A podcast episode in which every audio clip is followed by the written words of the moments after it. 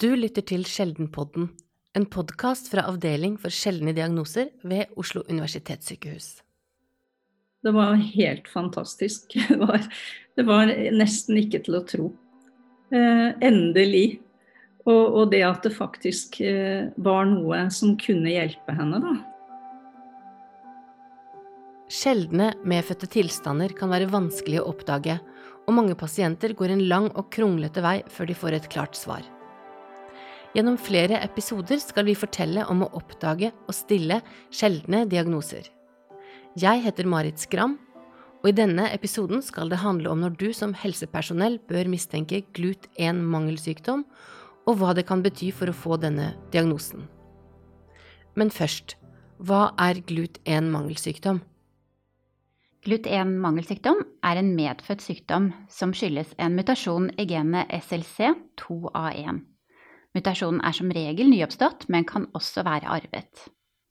Ubehandlet kan glutenmangelsykdom bl.a. gi epilepsi, utviklingshemming og ufrivillige bevegelser. Men jeg må påpeke at dette ikke er det samme som glutenintoleranse, eller cøliaki, da.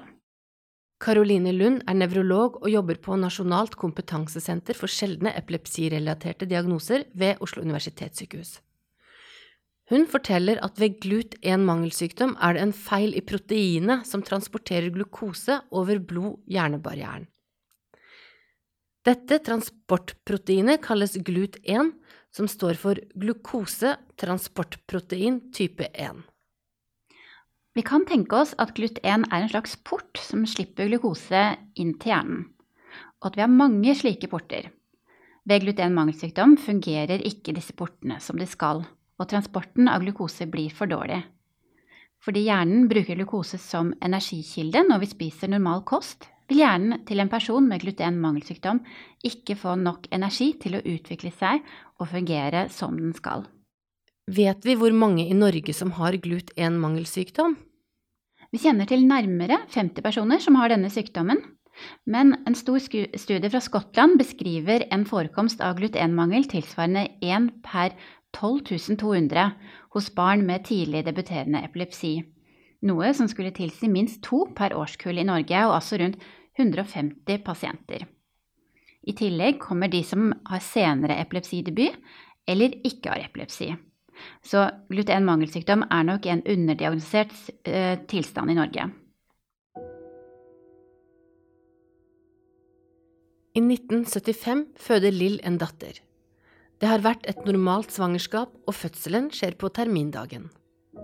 Datteren er en helt vanlig, frisk baby som vokser og utvikler seg som andre babyer i starten av livet. Men etter et halvt års tid begynner Lill å merke at noe ikke er som det skal være. Det første som skjedde, da var hun seks måneder ganske nøyaktig. Eh, da fikk hun plutselig på kvelden eh, noen rare sammentrekninger i ansiktet. Noen sånne rare vridninger i ansiktet. Eh, et eller annet muskulært som plutselig skjedde. Dette skjedde to kvelder på rad. Varte en halvtimes tid omtrent, og vi liksom skjønte ikke og Ble det for sterkt lys? Har det blitt for mye for henne? Tok henne med inn på et mørkt rom for å roe henne ned. Skjønte ikke, vi skjønte ikke hva det var, men det var da to sånne korte hendelser som ja, gikk litt i glemmeboka igjen. Men det var det første gang seks måneder. Etter en liten stund skjer det igjen noe rart som gjør at Lill blir bekymret. Eh, det var noen uker etterpå at hun begynte med noen eh, fall fra sittende. Hun hadde jo lært å sitte sånn til normal tid. Så hun satt i senga mi på morgenen og, og lekte med noe, og så plutselig så faller hun på siden over ende. Eh, flere ganger. Uten at eh, jeg kunne ikke skjønne at det kunne være noe lek, eller at hun mistet balanse, eller eh, Det kom ut av ikke noe, så det var litt snålt. Så begynte hun også sånn rundt samme tiden, når hun satt oppe i barnestolen sin på morgenen og spiste frokost, så plutselig så kunne hun falle sammen fremover. Eh, og så hun, reiste hun seg opp igjen ganske fort igjen. Og det, det så rart ut. Eh, så vi snakket jo mye om det, med familie og venner, og hva kunne dette være. Eh, og vi opplevde vel at alle bagatelliserte det, for babyer gjør jo så mye rart. Og de kan finne på ting, og er, de kan ha noe for seg, og det går over. Og... Men, men jeg, det ble en bekymring, som jeg tok henne med meg til barnelege på uh, helsestasjonen. Uh, og forklarte hva vi observerte, eller hva jeg spesielt observerte, da, som var hjemme med henne på den tiden. Uh, og barnelegen spurte med en gang om det var epilepsi i familien. Eh, det var det ikke. Eh, og, men da ble hun da sendt til uh, først en EEG, og så ble hun lagt inn til nærmere utredning fordi de så det var noe på EEG-en. Legene kaller det spedbarnsepilepsi og gir datteren epilepsimedisin. Medisinen stopper anfallene. Men også datterens utvikling stopper opp, og hun blir veldig sløvet. Når medisinene blir trappet ned, blir hun kvikkere igjen. Men dessverre kommer også da anfallene tilbake. Så da ble det nye utredninger, og da eh, fikk hun samtidig noen nye typer anfall, mer sånn motoriske ting som skjedde. Så da var det utredning i forhold til om det kunne være noe annet galt, at om det kunne være noe betennelse i hjernen f.eks. Så hun eh, hadde mange mange utredninger, og det var mye bekymring etter hvert for hva det egentlig var som feilte henne. Lills datter utvikler seg langsomt. Når hun begynner å gå, to år og tre måneder gamler, er hun ustø og får etter hvert en spesiell gange. Det blir beskrevet som ataksi, og hun får en CP-diagnose, med spørsmålstegn. Den kognitive utviklingen går også sakte, og hun faller utenfor leken i barnehagen. Det blir bestemt at hun skal begynne på spesialskole. Det venter mange år med flere dårlige perioder. Spesielt er epilepsien tøff med mange anfall og også nye typer anfall. Det letes stadig etter svar på hva det feiler datteren, og hva som kan gjøre henne bedre.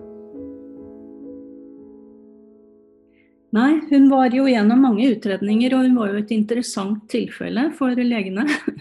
eh, nevrologene skjønte at det var noe her som de ikke eh, fikk tak i.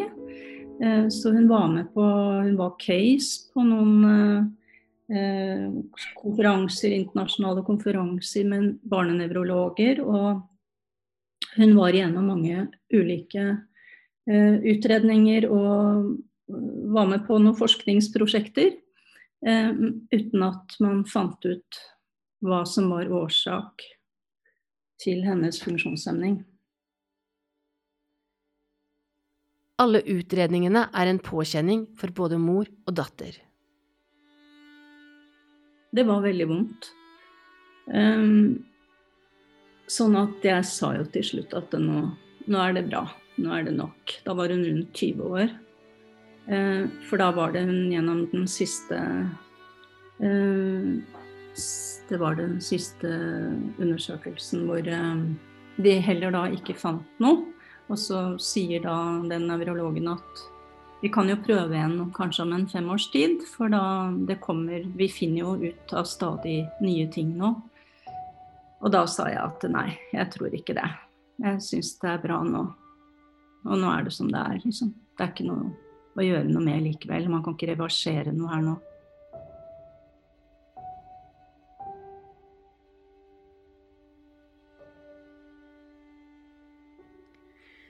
Den første pasienten i Norge med GLUT1-mangelsykdom blir diagnostisert i 2006. Da har Lills datter blitt voksen.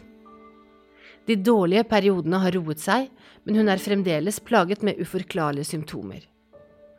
De har egentlig sluttet å lete etter hva som kan være årsaken.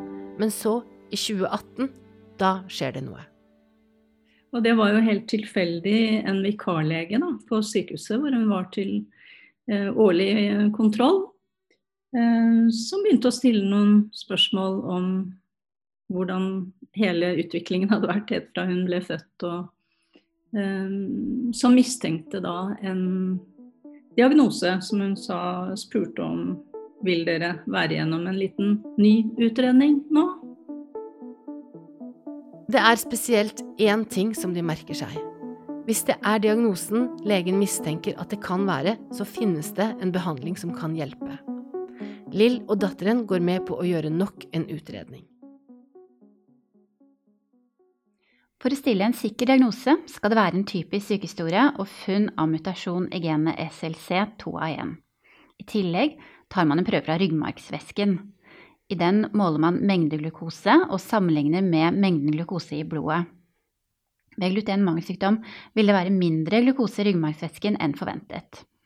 Men det er ikke alltid at man får full treff på alle tre kriterier. Noen ganger kan sykehistorien være litt uvanlig.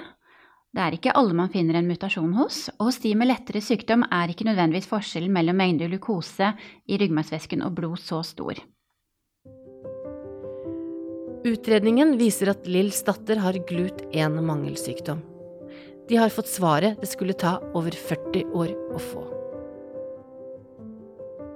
Det var helt fantastisk. Det var, det var nesten ikke til å tro.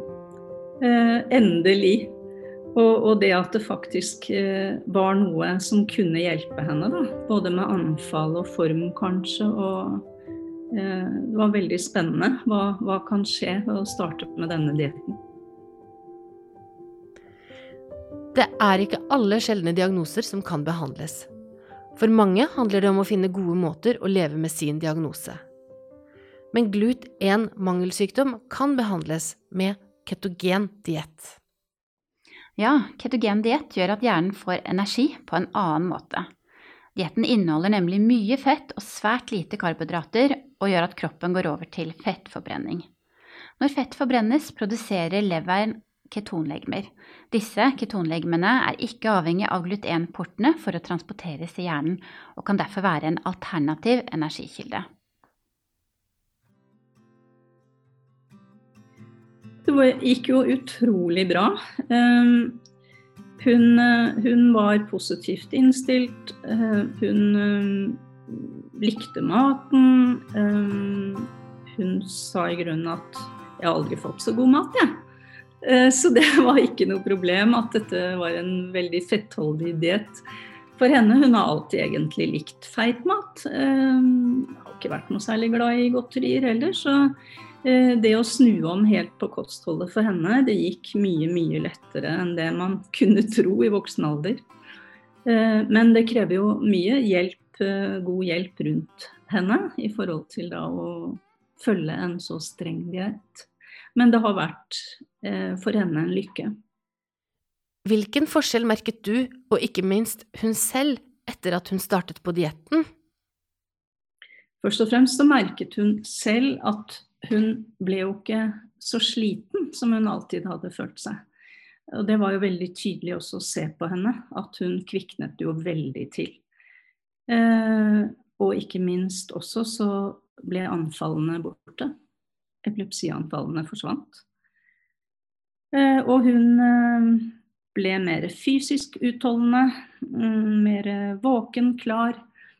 Eh, alle som har kjent henne hele livet, sier hun har blitt veldig mye mer voksen plutselig. Um, og det, det, er, det, det, er, en opplevelse at det er sånn det er, egentlig. Reflektert, voksen, klartenkt. Ja. I denne serien av Sjeldenpodden ser vi nærmere på det å oppdage og stille en sjelden diagnose. Og du har i denne episoden hørt om GLUT1-mangelsykdom. Siden mange av symptomene er her, som eksempel uttalevansker, epilepsi og bevegelsesforstyrrelser, hver for seg er uspesifikke og kan forekomme ved mange sykdommer, er det viktig å vite når man bør mistenke at det nettopp er GLUT1-mangelsykdom. Symptomene på GLUT1-mangelsykdom varierer fra person til person og endrer seg med alder.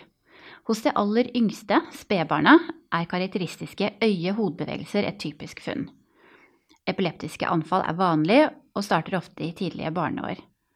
Ved tidlig debut ser man ofte forsinket utvikling i varierende grad, og med årene får mange bevegelsesforstyrrelser.